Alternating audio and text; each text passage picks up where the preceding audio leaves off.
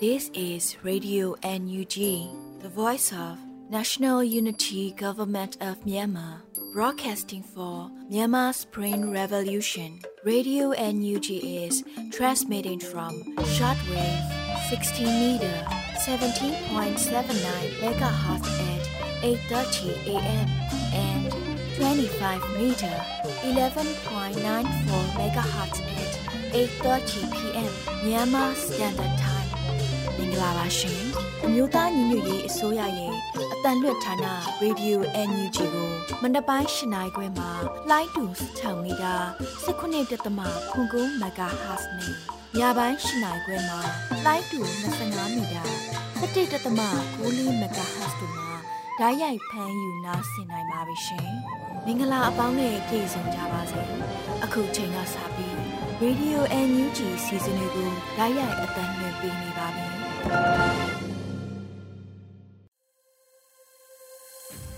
မင်္ဂလာနေ့နဲ့ခင်ပါခင်ဗျာဗီဒီယိုအန်ယူဂျီတောတာရှင်များနဲ့တကွာတော်လန်ပြည်သူအားလုံးဘေးပရာဝေးကွာလို့ကြမ်းကြမ်းမာမာရှိကြပါစေကြောင်းဗီဒီယိုအန်ယူဂျီကဆုတောင်းမေတ္တာပို့သလျက်ရှိပါတယ်ဗီဒီယိုအန်ယူဂျီရဲ့ဩဂုတ်လ25ရက်နေ့မနေ့ပိုင်းအတန်လွှင့်စီစဉ်တွေကိုစတင်ဖို့ချိန်ရောက်ပါပြီ။ຫນွေဥမွန်ဖတ်ကြားထားတဲ့ပြည်တွင်းသတင်းများကိုစတင်နားဆင်နိုင်ကြပါပြီခင်ဗျာ။ မင်္ဂလာမနက်ခင်းပါရှင်2023ခုနှစ်ဩဂုတ်လ25ရက်နေ့ Radio NUG မနက်ခင်းပြည်တွင်းသတင်းတွေကိုတင်ပြပေးသွားပါမယ်ကျွန်မကတော့ຫນွေဦးမွန်ပါတရားမဝင်2000နဲ့ငွေစက်ကူများကိုငွေကြေးလက်ပတ်မှုတွင်အတိမတ်ပြုလက်ခံသုံးစွဲသောဗန်များနှင့်ငွေကြေးဝန်ဆောင်မှုလုပ်ငန်းများအားကျန်းဖတ်မှုတိုက်ဖျက်ရေးဥပဒေနှင့်ရေးယူမဲ့ဆိုတဲ့သတင်းကိုတင်ပြပေးပါမယ်။ဩဂုတ်လ24ရက်မှာမြို့သားညီညွတ်ရေးအစိုးရကမိန့်ကြော်ညာစာအမှတ် နှစ်မြင့်ဆောင်2023ကိုထုတ်ပြန်ကြေညာခဲ့ပါတယ်။ထုတ်ပြန်ချက်အရတရားမဝင်2000နဲ့ငွေစက်ကူများကိုလက်ဝယ်ထားရှိခြင်း၊ရောင်းဝယ်ပြုလုပ်ခြင်း၊တနည်းနည်းနဲ့လွှဲပြောင်းခြင်းတို့သည်ကျန်းဖတ်မှုတိုက်ဖျက်ရေးဥပဒေအခန်းစနစ်တွင်ဖော်ပြထားသောကျန်းဖတ်မှုကိုငွေကြေးထောက်ပံ့မှုဆိုင်ရာပြစ်မှုများကိုကျူးလွန်ရာရောက်တယ်လို့ဆိုထားပါတယ်။ထို့ကြောင့်ပြည်တွင်းငွေကြေးလက်ပတ်စီစဉ်မှုတွေအဓိကကျသောအခန်းကဏ္ဍ၌ ငွေကြေးဝန်ဆောင်မှုလုပ်ငန်းများဆောင်ရွက်နေသောပုဂ္ဂလိကဗန်များနှင့်ငွေကြေးဝန်ဆောင်မှုလုပ်ငန်းများအနေဖြင့်တရားမဝင်2000နံငွေဆက်ကူများကိုလက်ဝယ်ထားခြင်းရောင်းဝယ်ပြုလုပ်ခြင်းတနည်းနည်းဖြင့်လွှဲပြောင်းခြင်းများမပြုလုပ်ရန်တားမြစ်မိတ်ထုတ်ပြန်လိုက်တယ်လို့ဖော်ပြပါရယ် ပြည်သူများနေဖြင့်တရားမဝင်2000နဲ့ငွေဆက်ကူများကိုငွေကြေးလဲပတ်မှုတွင်အတိမတ်ပြုလက်ခံသုံးစွဲသောဗန်များနှင့်ငွေကြေးဝန်ဆောင်မှုလုပ်ငန်းများအားအထောက်အထားနှင့်တကွမြို့သားညညရဲ့အစိုးရအကြံဖက်တိုက်ဖျက်ရေးဗဟိုအဖွဲ့သို့အသိပေးတိုင်ကြားကြပါရန်နှိုးဆော်တိုက်တွန်းအပ်ပြီးတိုင်းမြင့်မိတ်ကိုလိုက်နာဆောင်ရွက်ခြင်းမရှိပါကအကြံဖက်မှုတိုက်ဖျက်ရေးဥပဒေနှင့်အညီတားဆီးနှိမ်နှင့်အပြစ်ပေးရေးယူသွားမယ်လို့ဆိုပါတယ်ရှင်။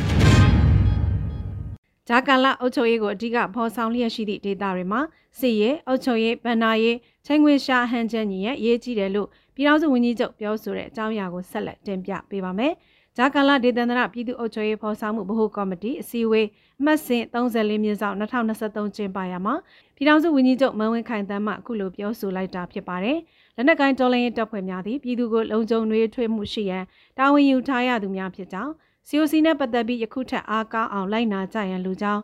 ဂျာကာလာအုပ်ချုပ်ရေးကိုအဓိကဖော်ဆောင်လျက်ရှိသည့်ဒေသတွေမှာစစ်ရေးအုပ်ချုပ်ရေးဗန်နာရေးချိန်ခွင်ရှာသည်ဟန်ချက်ညီရဲ့အရေးကြီးကြောင်းယခုလက်ရှိဒေသကာကွယ်ရေးတပ်ဖွဲ့ဟုခေါ်ကြသည့် LDF နှင့်ပကဖပအားဖတွေကြားပူးပေါင်းဆောင်ရွက်မှုလိုအပ်ချက်တွေသည်သက်ဆိုင်ရာပကဖပအားဖတွေစီယုံရင်စွဲရည်နဲ့လည်းသက်ဆိုင်မည်ဖြစ်ကြောင်းဘုံဤမှန်းချက်တူညီကြပြီဆိုရင် အချင်းချင်းပူးပေါင်းဆောင်ရွက်ရေးမှာမိတို့ပင်ကြီးမားသည့်အခက်ခဲနှင့်အတားအဆီးတွေရှိနေပါစေပြန်လည်လေးစားနားလည်မှုများနှင့်ခက်ခဲကိုမုတ်ချကြော်လွှားနိုင်မည်ဖြစ်ကြောင်းဝန်ကြီးချုပ်ကဆိုပါတယ်ဆိုပါစည်းဝေးသို့ပြည်ထောင်စုဝန်ကြီးချုပ်မန်ဝင်းခိုင်တမ်းမှဦးဆောင်ကပြည်ထောင်စုဝန်ကြီးများဒုတိယဝန်ကြီးများအမြဲတမ်းအတွဝင်များတွဲဘက်အမြဲတမ်းအတွဝင်များဌာနဆိုင်ရာများမှတာဝန်ရှိသူများတက်ရောက်ခဲ့ကြပါတယ်ရှင်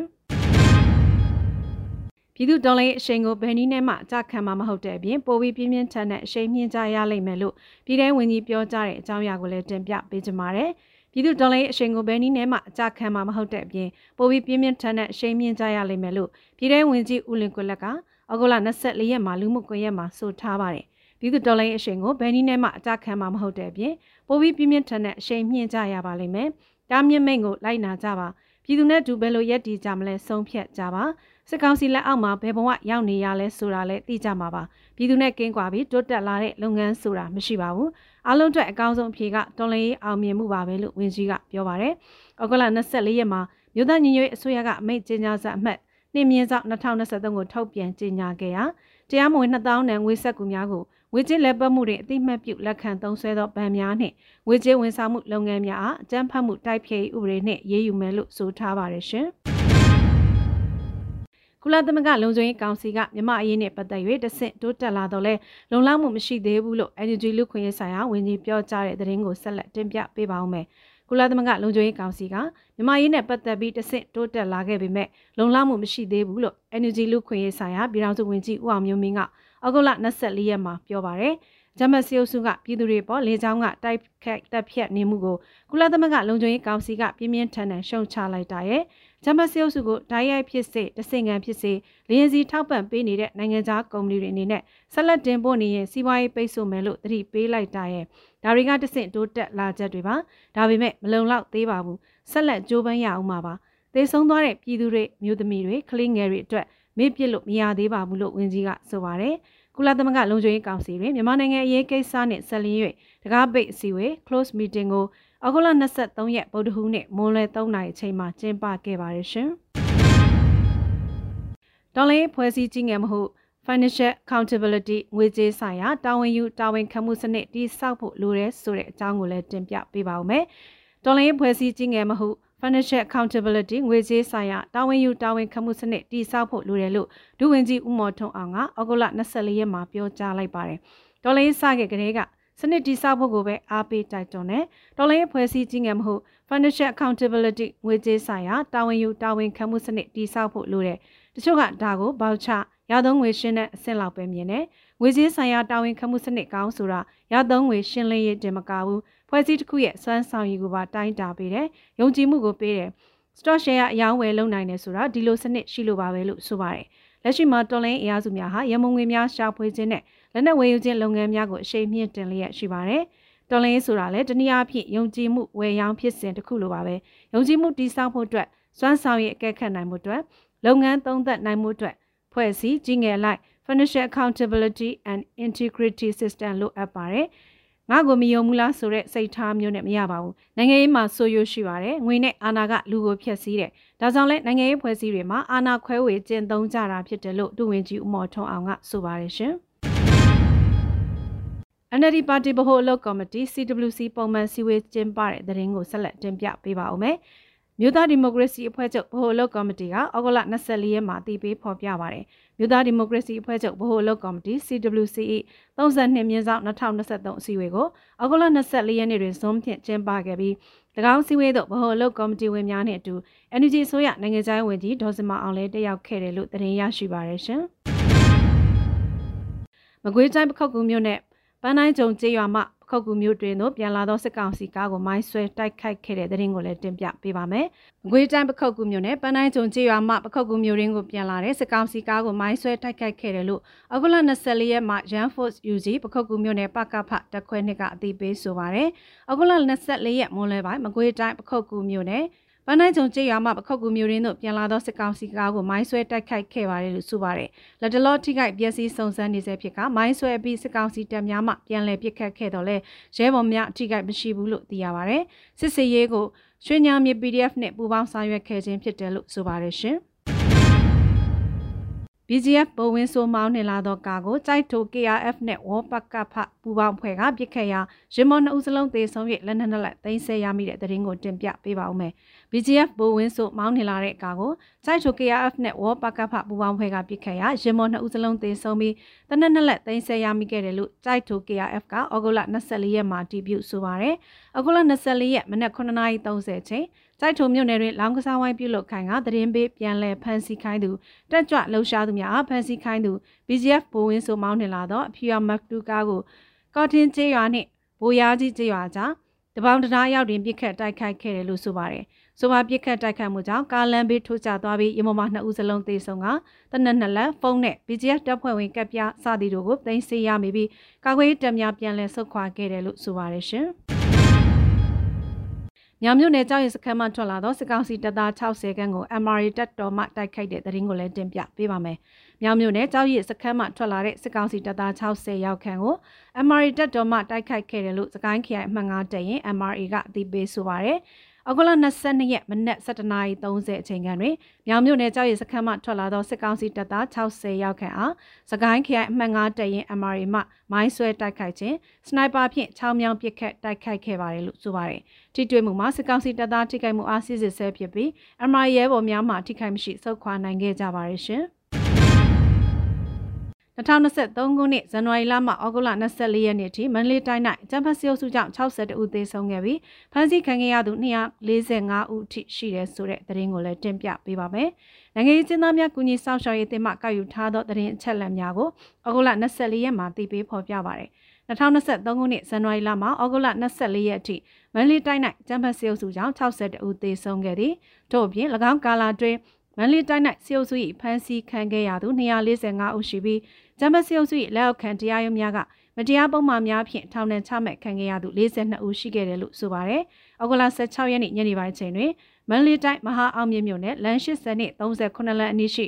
Golden Gate ကိုပိုင်ထက်တန်းကျောင်းပိုင်ရှင်ဦးမြတ်ကျော်အပါဝင်ဆရာဆရာမများအား PDF တပ်ဖွဲ့ဝင်များကိုထောက်ပံ့မှုများပြုလုပ်နေသည်ဟုဆွဆွဲပြီးဂျမစီအုပ်စု၏တပ်ကဖမ်းဆီးခဲ့ပြီးကျောင်းကိုလည်းချိတ်ပိတ်ခဲ့ကြောင်းသိရှိရပါတယ်ရှင်။ ခုတင်ပြခဲ့တဲ့သတင်းတွေကို Radio Energy သတင်းတောက်မင်းတီဟန်ကပေးပို့ထားတာဖြစ်ပါတယ်ရှင်။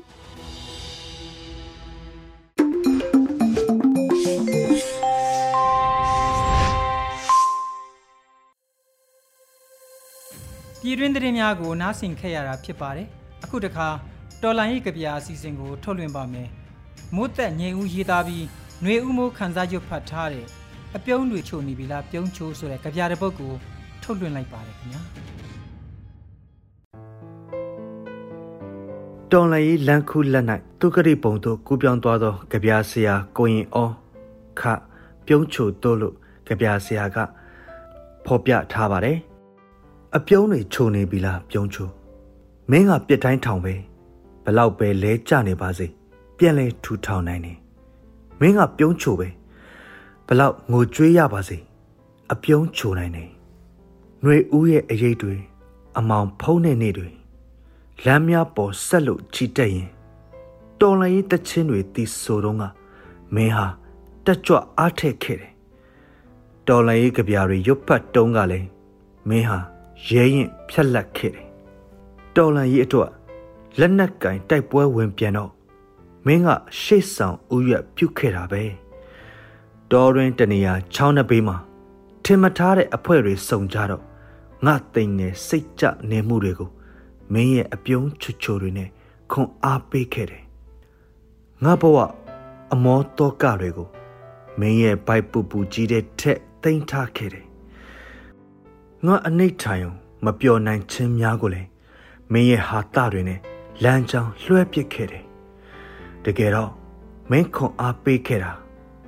တပြီလုံးရဲ့ တိမ်ငယ်စိတ်ကြနေမှုတွေပဲမင်းထက်တိမ်ထားခဲ့တာတပြီလုံးရဲ့ဘဝအမောတောကတွေပဲမင်းလမ်းကြောင်းလွှဲပစ်ခဲ့တာတပြီလုံးရဲ့အနိဋ္ဌာယုံမပျော်နိုင်ခြင်းတွေပဲမချိမဆက်မနိုင်မနှင်းထမ်းပိုးတည်ဆောင်နေရပေမယ့်နာကျင်ခံခတ်အတန်တစက်မထွက်ပဲအပြုံးတွေအမြဲခြုံနေနိုင်တယ်မင်းကပြုံးချိုလေရုတ်တရက် မင်းခရီးထွက်သွားတဲ့တရင်ကြားတော့ကပြုံးချိုရမင်းကွာလို့အခခပြောပြီးငါစောက်တုံးမကြမှုအတွက်ငါငိုတယ်အဲ့ဒီဘက်ကိုမင်းထွက်သွားတော့ကလေပြုံးချိုရမင်းကွာငါကြမခေါ်ဘူးလို့ပြောရင်စကနာထိုးဘူးတယ်မင်းကပြုံးပြုံးကြီးလို့ရင်ကျွန်တော်တို့အစင်ပြေတော့အကုတ်ကိုခေါ်မှာပေါ့ပြောတာကိုတတိရတယ်အခုငါလာရတော့မလား အပြုံးတွေခြုံနေပြီလားပြုံးချိုမိုးသက်ညင်ဦး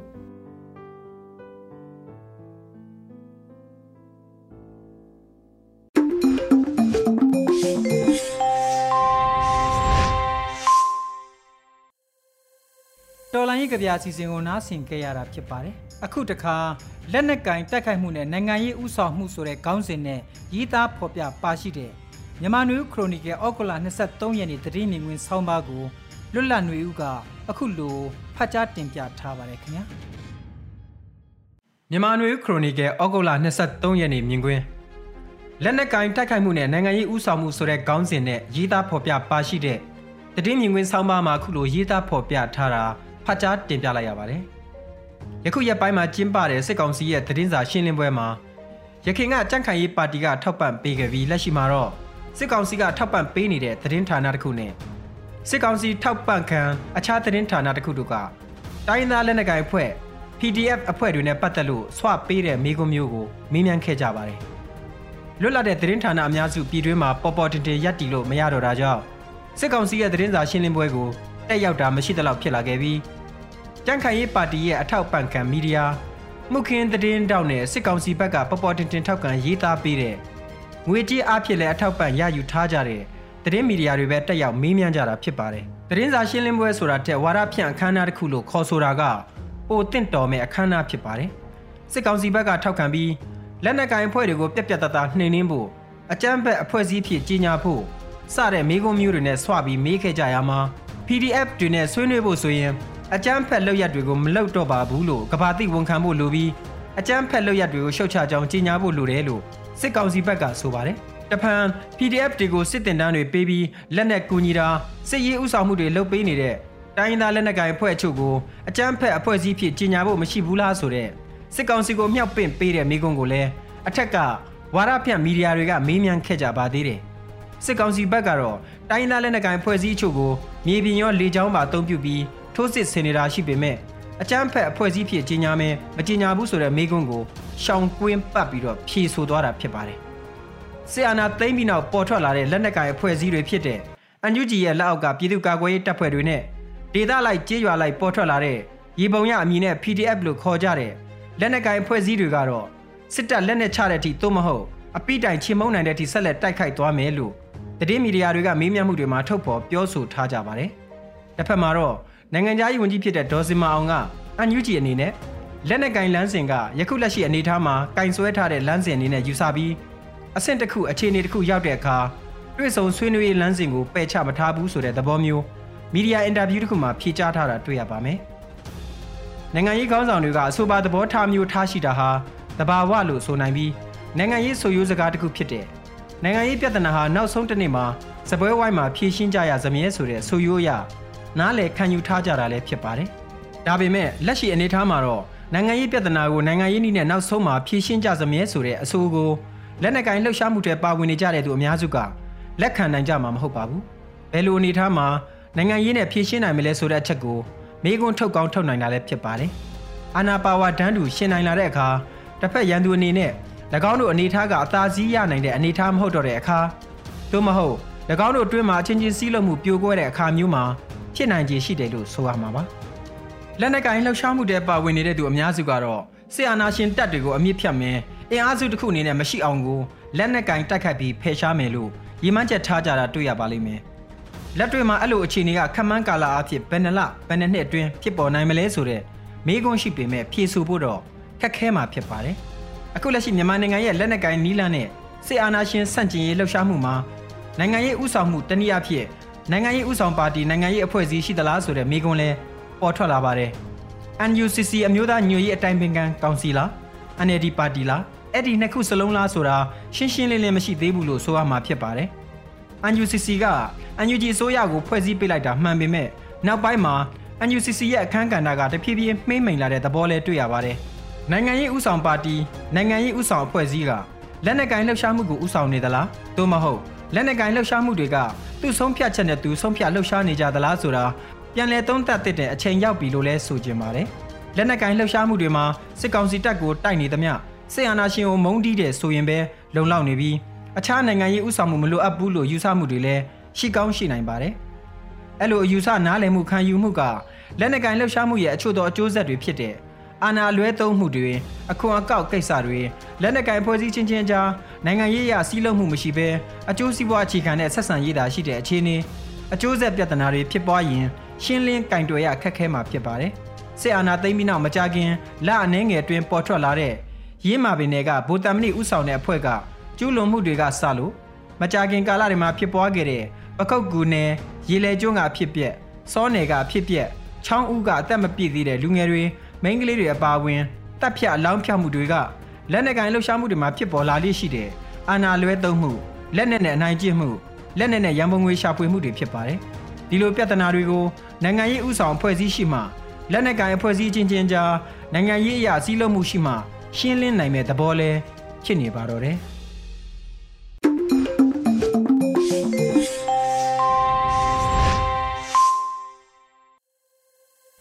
တည်င်းမြင်ကွင်းစီစဉ်ကိုနားဆင်ကြရတာဖြစ်ပါတယ်။အခုတခါ PPTV ကထုတ်လွှင့်တဲ့နေ့စဉ်သတင်းများကို Rain ကတင်ပြပါတော့မယ်ခင်ဗျာ။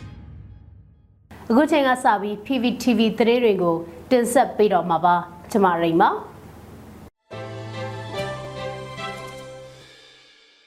ပထမဆုံးတင်ဆက်ပေးခြင်းတဲ့သတင်းကတော့ကြာကာလတေသန္တရပြည်သူ့အုပ်ချုပ်ရေးဖော်ဆောင်မှုဗဟိုကော်မတီနဲ့မြို့နယ်ပြည်သူ့အုပ်ချုပ်ရေးအဖွဲ့များတွဲဆုံဆွေးနွေးတဲ့သတင်းမှာ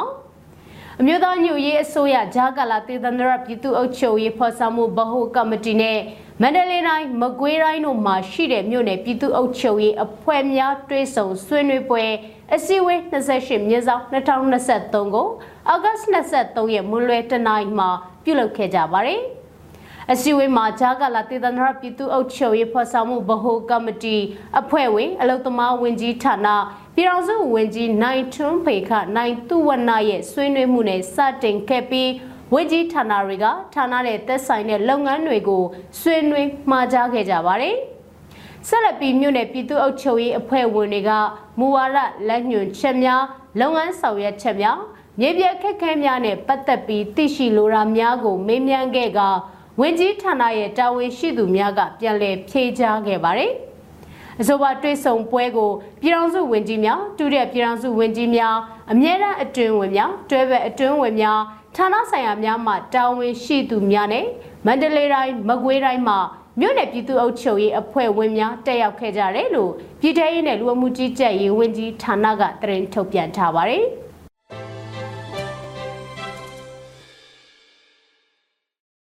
ဆက်လက်တင်ဆက်ပေးသွားမယ့်သတင်းကတော့မင်းတို့တိုက်ပွဲအတွင်းအကြမ်းဖက်စစ်တပ်ဘက်က90ထက်မနည်းသေဆုံးခဲ့တယ်လို့တရက် PDF ကထုတ်ပြန်လိုက်တဲ့သတင်းမှာ မကွေးတိုင်းမင်းတို့တိုက်ပွဲအတွင်းအကြမ်းဖက်စစ်တပ်ဘက်က90ထက်မနည်းသေဆုံးခဲ့တယ်လို့တရက်ခရိုင်ပြည်သူ့ကာကွယ်ရေးအမှတ်လေးတပ်ရင်က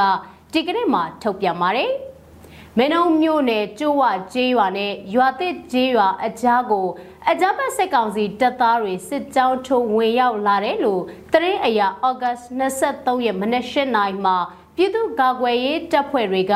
အသင့်ဆောင်ကြိုက မိုင်းဆွဲတိုက်ခိုက်ခဲ့တဲ့အပြင်လက်နက်ကြီးလက်နက်ငယ်တွေနဲ့2နာရီနဲ့မိနစ်40ခန့်ကြာတဲ့အထိနှစ်ဘက်အပြင်းအထန်ပစ်ခတ်တိုက်ခိုက်ခဲ့ကြတာပါ။ရန်သူဘက်ကမိုင်းထိကအများအပြားအပြင်းထန်ထိခိုက်ဒဏ်ရာတွေရရှိပြီးကြံရှိတဲ့ရန်သူစစ်သားတွေကလက်နက်ကြီးလက်နက်ငယ်တွေနဲ့ပြန်လည်ပစ်ခတ်တိုက်ခိုက်ခဲ့တယ်လို့ဆိုပါရယ်။ဒါပြင်ကျွဝကျေးရွာရဲ့ဂုံးထိပ်ဘက်ကနေ ရန်သူရဲ့နောက်ထန်အင်အားတွေကလက်နက်ကြီးနဲ့ပစ်ကူပေးခဲ့ပေမဲ့ရန်သူရဲ့တပ်ဖွဲ့ဝင်တွေအပေါ်တဲ့တဲ့ကိုကြားရောက်ပောက်ကွဲခဲ့တာကြောင့်အကြမ်းဖက်စစ်သားမျက်မြင်15ယောက်ကျော်ကြားတရင်အရာ90ကျော်အထိကိုသေဆုံးသွားခဲ့တာဖြစ်တယ်လို့တရက်ခရိုင်အမှတ်လေးတက်ရဲတရင်နယ်ပြန်ကြားရေးတာဝန်ခံကိုမြတ်ကပြောပါတယ်ပြည်သူတော်လှန်ရေးတပ်ဖွဲ့ရဲ့နောက်ကျောဘက်ကိုလက်နက်ကြီးကြီးကြားရောက်ခဲ့ပေမဲ့ တော်လှန်ရေးတပ်ဖွဲ့ဝင်တွေအားလုံးအထိခိုက်မရှိကောင်းမွန်စွာပြန်လည်ဆုတ်ခွာနိုင်ခဲ့တယ်လို့ဖော်ပြထားပါတယ်။ဒီတိုက်ခိုက်မှုကိုတရက်ခရိုင်ပြည်သူ့ကာကွယ်ရေးအမှတ်လေးတက်ရေးကျောင်းသားလက်ယုံတက်တော် SAF နဲ့လွတ်မြောက်ရေးအင်အားစုစစ်သည်တော်များတပ်ဖွဲ့ WOF တွေပူးပေါင်းစစ်ကြောင်းအဖွဲ့ကတိုက်ခိုက်ခဲ့တာပါတိုက်ပွဲဖြစ်ပွားပြီးနောက်အကြမ်းဖက်စစ်ကောင်စီတပ်သားတွေကရွာသက်ကျေးရွာအတွင်းကိုဝင်ရောက်က ပြည်သူနေအိမ်တွေကအစားအသောက်တွေနဲ့တမိုးရှိပစ္စည်းတွေကိုခိုးယူနေတယ်ဆိုတာနဲ့မပြေးနိုင်ပဲကြံရှိနေတဲ့အပြစ်မဲ့ရွာသား9ဦးကိုဖမ်းဆီးရိုက်နှက်နှိပ်စက်စစ်ဆေးမေးမြန်းနေတယ်လို့သိရပါတယ်။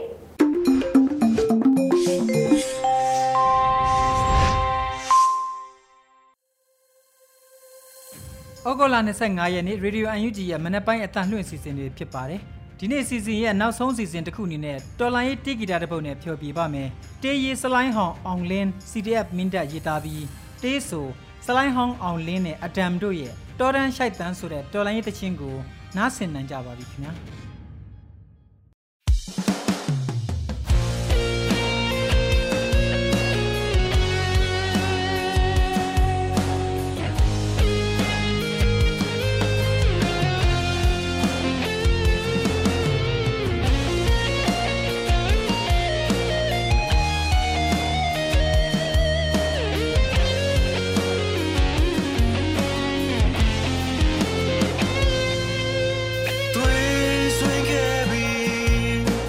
如。